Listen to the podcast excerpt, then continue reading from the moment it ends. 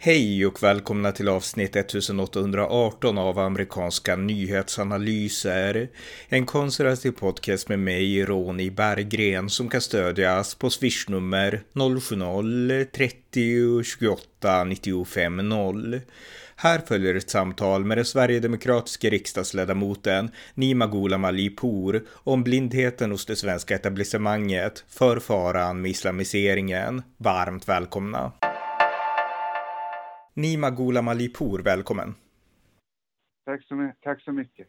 Eh, jag tänkte vi skulle prata lite grann om ett ämne som har blivit dagsaktuellt, nämligen islamiseringen. Det är så här att du har tweetat en sak som har blivit, eh, ja, det har blivit ifrågasatt och kritiserat och så, och vi ska komma in på det om en stund. Men jag tänkte först be dig presentera dig själv, lite om din bakgrund, hur du kom till Sverige och eh, lite om vem du är, helt enkelt. Ja, eh som du sa, jag heter ju Nima Gholam Alipour och mitt, Nima är mitt förnamn. Eh, och eh, mina föräldrar kom till Sverige som eh, flyktingar och vi, kom först till Turkiet och, och, där fick vi liksom någon sorts kvotflyktingstatus eh, och kunde då liksom eh, transporteras liksom till, till Sverige då liksom och, och komma till Sverige eh, av alla länder. Så eh, och eh, det var så jag kom till Sverige, då var jag liksom fem sex år gammal. Eh, så eh, ja, det, det, är liksom det. Eh, sen, sen, har jag väl liksom utbildat mig här och jag har två akademiska examina. Jag har eh, lärarlegitimation och eh, magisterexamen i internationell migration och etniska relationer och har tidigare jobbat som lärare. Just det. Och så vidare liksom. Eh, jag är inte så bra på att berätta om mig själv, så du får fråga om, om det är något som missade. Nej, det, där, det där räcker gott. Alltså, nu har vi en bakgrund där. Och eh, det är ju så här också att du är Sverigedemokrat, du är riksdagsledamot för Sverigedemokraterna. Och eh, det föranleder, det föranleder frågan, alltså hur kommer det sig att du valde Sverigedemokraterna?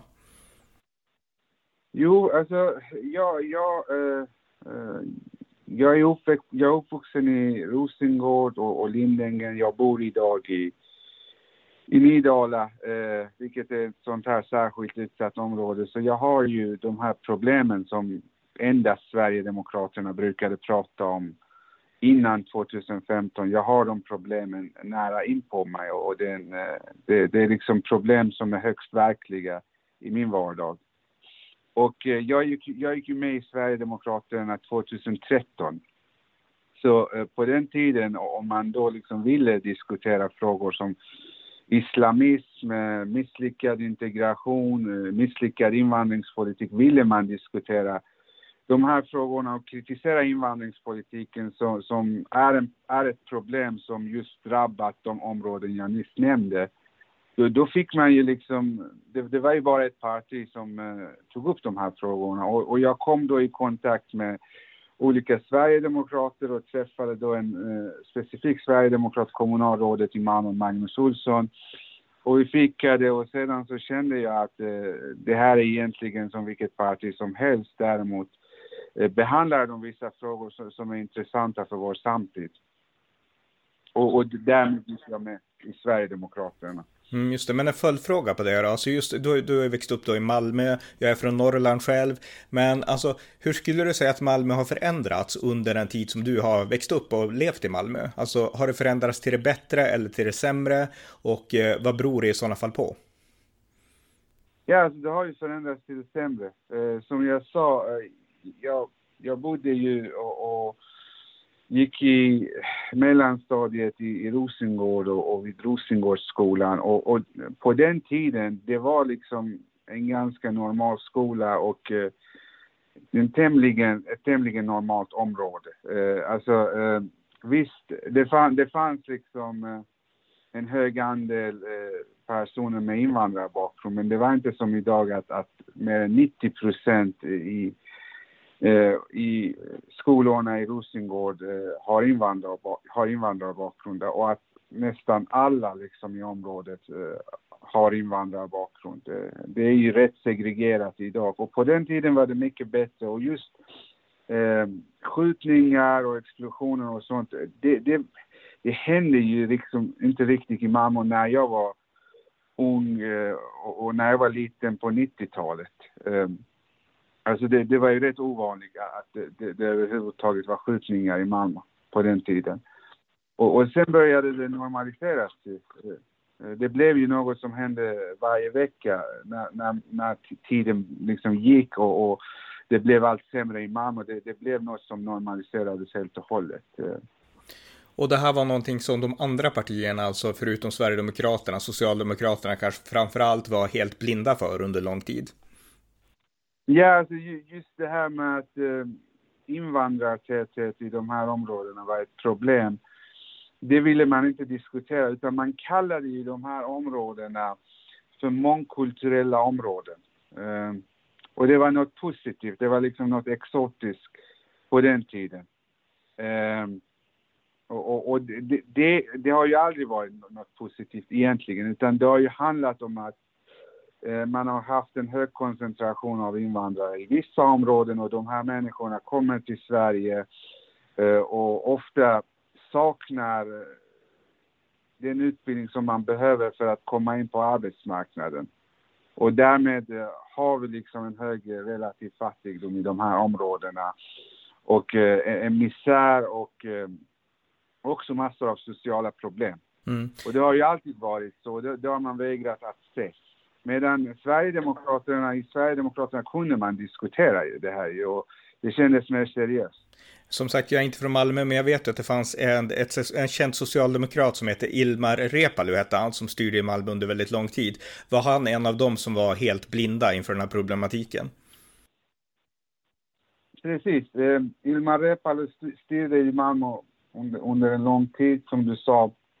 Och eh, eh, återigen, man, man, såg inte de här problemen i de här områdena. Och, och du har ju inte nämnt det, jag, jag har inte heller nämnt det, men eh, jag brukade ju vara socialdemokrat. Jag var med i Socialdemokraterna en gång i tiden. Eh, och, och jag vet att man inte diskuterade de här frågorna och jag vet att eh, man nästan blev mobbad när man diskuterade de här frågorna och tog upp de här eh, frågorna och, och sa liksom titta på statistiken, vi har ju stora sociala problem i de här områdena, men då ville man liksom inte riktigt diskutera det. Och sen, sen kom ju migrationskrisen och alla partier liksom började likna Sverigedemokraterna, åtminstone i sin retorik. Mm. Inte alla partier. Socialdemokraterna, Moderaterna och eh, Liberalerna och KD eh, började likna Sverigedemokraterna mer och mer i sin retorik. Men, men inte i politiken. Så, så ja, jag tycker jag har gjort ett bra val att jag har gått med i ett parti som, som vill se de problem som finns i verkligheten. Mm. Och ett av de problemen då det är ju islamiseringen av Sverige och som sagt du har bakgrund i Iran, du har själv kanske inga direkta minnen från Iran men dina föräldrar har det. Och eh, du har försökt varna då för islamiseringen av Sverige. Och eh, nu senast så skrev du en tweet, jag tror att det var en respons på Aftonbladets skribent Anders Lindberg att han pratade om att bönutrop det var något förenligt med det svenska. Och du bemötte honom mm. och kritiserade det och sa att islam är, vi har religionsfrihet men islam är liksom inte, ja, kan du berätta lite mer om din tweet och eh, responsen på tweeten och så? Ja, alltså jag skrev att vi har religionsfrihet men islam är en främmande religion.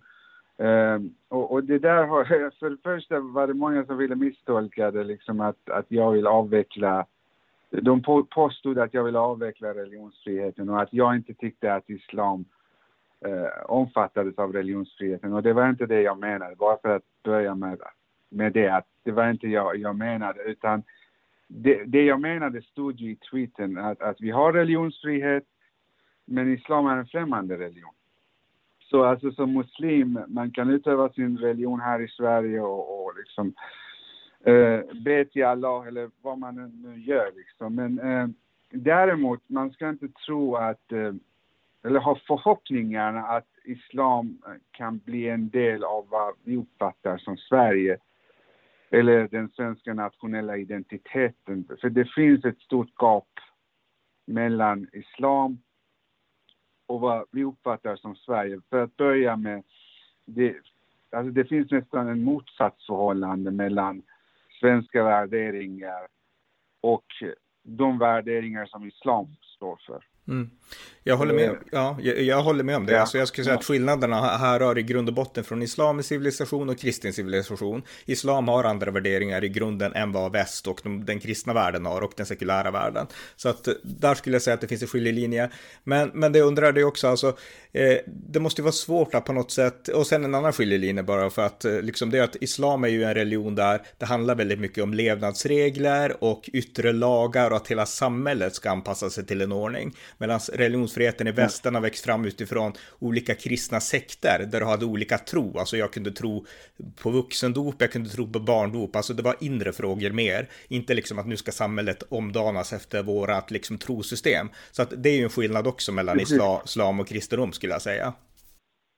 Ja, eh, alltså det är ju bara en dimension av vad jag menar med främmande. Sen är, sen är islam ofta eh, bokstavligt främmande för många eh, svenskar eh, i det här landet. Jag menar, det är ju många, om man pratar med, om man pratar med folk, liksom, det behöver inte vara folk inom något specifikt parti. Det är ju många som inte vet så mycket om islam. Alltså, många blir ju överraskade när, eh, mus, eh, när vissa muslimer påbörjar något upplopp för att eh, man bränner bilder, eh, eh för, för, att man ritar bilder av eh, Mohammed eller bränner en koran Alltså många blir överraskade av det. Det är inte många som vet egentligen så mycket om islam. Så alltså rent bokstavligt är det en främmande religion för, för många svenskar. Och det är inte många som har islamiska inslag i sina, i, i sina liv. Liksom. Det är inte många svenskar som egentligen har det. Um, och, och det, det, var rätt sent vi fick den första, första moskén här i Sverige. Det var först 1976. Så tänk dig, innan 1976 hade ingen sett en moské i Sverige. Så alltså på många olika sätt är det en främmande religion. Ta till exempel, bara, bara om vi tar det teologiska innehållet i islam. Det bestäms i länder, i länder som Egypten och Saudiarabien och Iran. Alltså imamer i Sverige har ingen påverkan över det teologiska innehållet. Så alltså det är på, på, så, på så många sätt som islam är en främmande religion. Och då blir jag överraskad när folk reagerar, när folk på vänsterkanten reagerar så kraftigt eh, och är så kritiska när jag säger att islam är en främmande religion. Så för om det inte är en främmande religion, vad är det annars? Det, det är absolut inte en religion som har förankring i Sverige. Men, men om jag ställer en enkel fråga här och du behöver bara svara generellt. Men alltså saker som vi som svenskar, vi ifrågasätter inte ens utan vi tar det som helt självklart. Att i Sverige så får man välja att byta religion om man vill. Man får välja att bli ateist, man får välja att bli kristen och man får välja att bli muslim om man skulle vilja det. Det är en självklarhet i Sverige. Du får välja din sexualitet, du får vara homosexuell, du får vara bisexuell, du får vara heterosexuell liksom. Eh, det är liksom upp till dig. Du får liksom gå klädd hur du vill, i princip i alla fall. Och eh, alltså det är liksom individen som bestämmer. Eh, den här generella frågan då, skulle du utifrån din erfarenhet av Sveriges muslimer säga att svenska muslimer, för dem är det också en självklarhet, de här sakerna? Nej, alltså, alltså de här liberala inslagen vi har i Sverige när det gäller eh, sexualitet och synen på kvinnor, det är ju ingen självklarhet inom islam och det vet ju egentligen alla, både på vänsterkanten, högerkanten och sen i, i mitten liksom. Eh, alla vet att islam eh, har, har en mycket konservativ syn på sexualitet och eh, synen på kvinnor.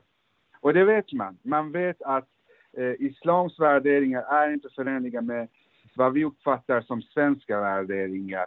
Och ändå vill man eh, påtala att eh, islam på något sätt eh, passar in eh, i, det svenska, i den svenska kulturen, i, det svenska, i, den, i den svenska vardagen. Och, och det gör det ju inte.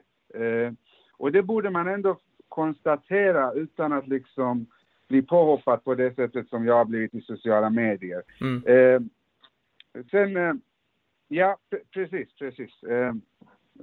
Eh, Varsågod. Ja, ja precis. Nej, nej men exakt. Nej, för det, det, som har hänt är att du, för du beskriver att för svenskar så är islam väldigt främmande generellt för svenskar och det stämmer ju så att det finns ett stort glapp mellan vanliga svenskar och den här, vad ska man säga, svenska kultureliten som Anders Lindberg och andra som på något sätt pratar över huvudet på vanliga svenskar och försöker säga att bönerop är naturligt. Alltså, bara, bara för att tillägga.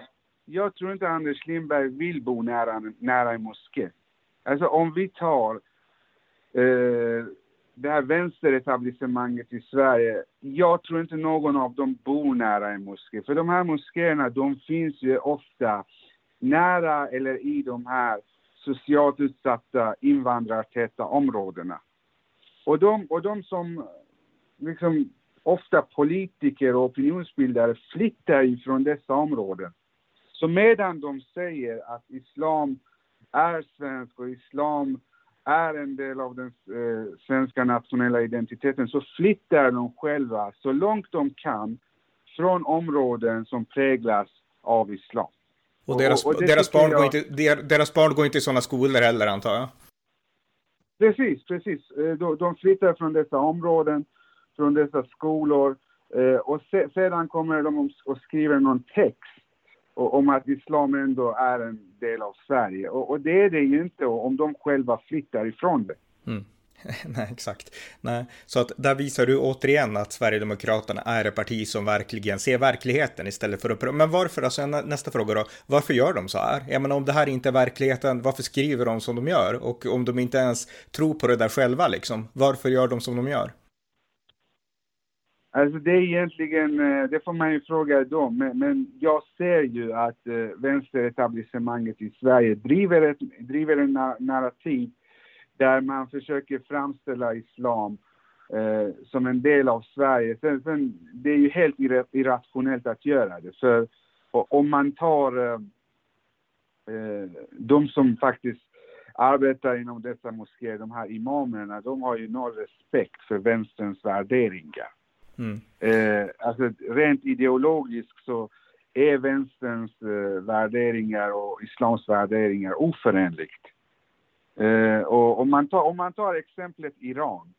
Eh, kommunisterna i Iran hjälpte ju Khomeini till makten och Khomeini avrättade alla kommunister så fort han fick chansen att göra det. Mm. Alltså, så, så, det är helt irrationellt beteende från sådana som Anders Lindberg med många andra också inom vänstern att försöka driva det här narrativet där att eh, islam på något sätt är en del av Sverige.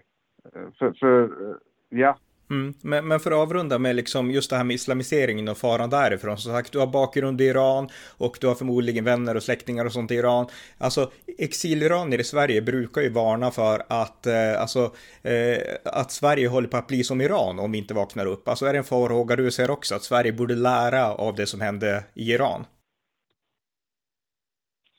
Ja, alltså det är lite annorlunda här i Sverige. Alltså i Iran eh, eh, alltså det, det, skedde en revolution och eh, i landsbygden fanns det ett stöd för den här för, för islamismen. Alltså, eh, liksom, det fanns, för, för på landsbygden har, har, man alltid varit mycket religiösa i Iran.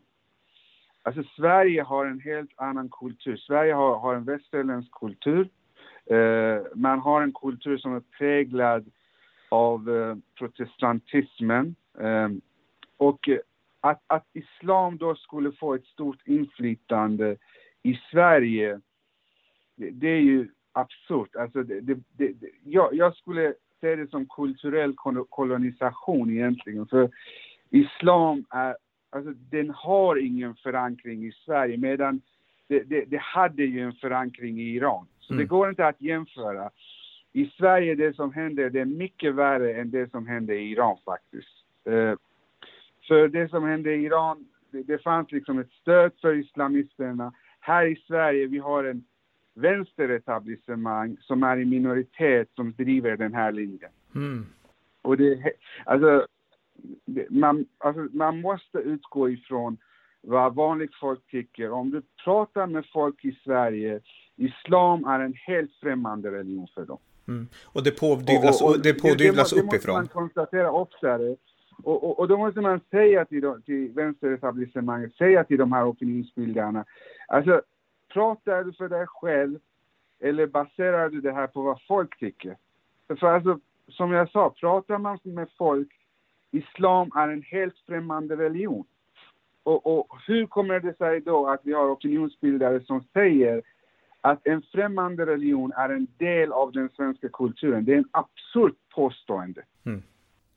Men hur ska vi göra då som sista fråga för att förändra det här? För som sagt, det här är ju någonting som pådyvlas oss uppifrån då av kulturetablissemang, av liksom e, e, etablissemangspolitiker och liknande. Hur ska vi göra för att på något sätt trycka tillbaka, tycker du, som sista fråga? Ja, alltså vad vi måste göra, eh, jag vill inte liksom se mig själv som någon förebild, jag, då, då skryter man. Men mm. saken är att vi, vi måste i debattartiklar, på sociala medier, våga säga att islam är en främmande religion. Det är inget rasistiskt med det, det är inget islamofobiskt med det, om man ska använda de begreppen. Alltså det, om, någonting om en religion är främmande, då får vi beskriva det på, på ett sådant sätt. Och vi måste våga göra det. Vi kan inte eh, låta eh, vänstern beskriva verkligheten, utan verkligheten är som den är. Det finns en negativ attityd gentemot islam i Sverige på grund eh, av att islam har ofta förekommit i sammanhang med organisationer som IS, Al-Qaida. Eh, det har förekommit i, eh, liksom, det har associerats med extremister och med sådana eh, särskilt utsatta, socialt utsatta områden som jag beskrev. Eh, så det finns en negativ attityd gentemot islam. Och jag tror inte heller långsiktigt att islam kan bli en del eh, av eh, det, det som vi uppfattar som Sverige eftersom det finns en negativ attityd gentemot islam. Och det här måste vi säga, vi måste ju säga att eh, vi har religionsfrihet, men islam är inte en religion som vi vill att det ska bli en del av Sverige. Vi är emot det. Mm, just det. Ja, men med det sagt så vill jag säga tack till dig Nima Gula Malipur för det här samtalet. Det var mycket informativt och givande, så tusen tack. Tack själv. Tack. Tack för att ni har lyssnat på amerikanska nyhetsanalyser. En konservativ podcast som kan stödjas på swishnummer 070-30 28 95 0 eller via hemsidan på Paypal, Patreon eller bankkonto. Skänk också gärna en donation till valfri Ukraina-hjälp. Allt gott tills nästa gång.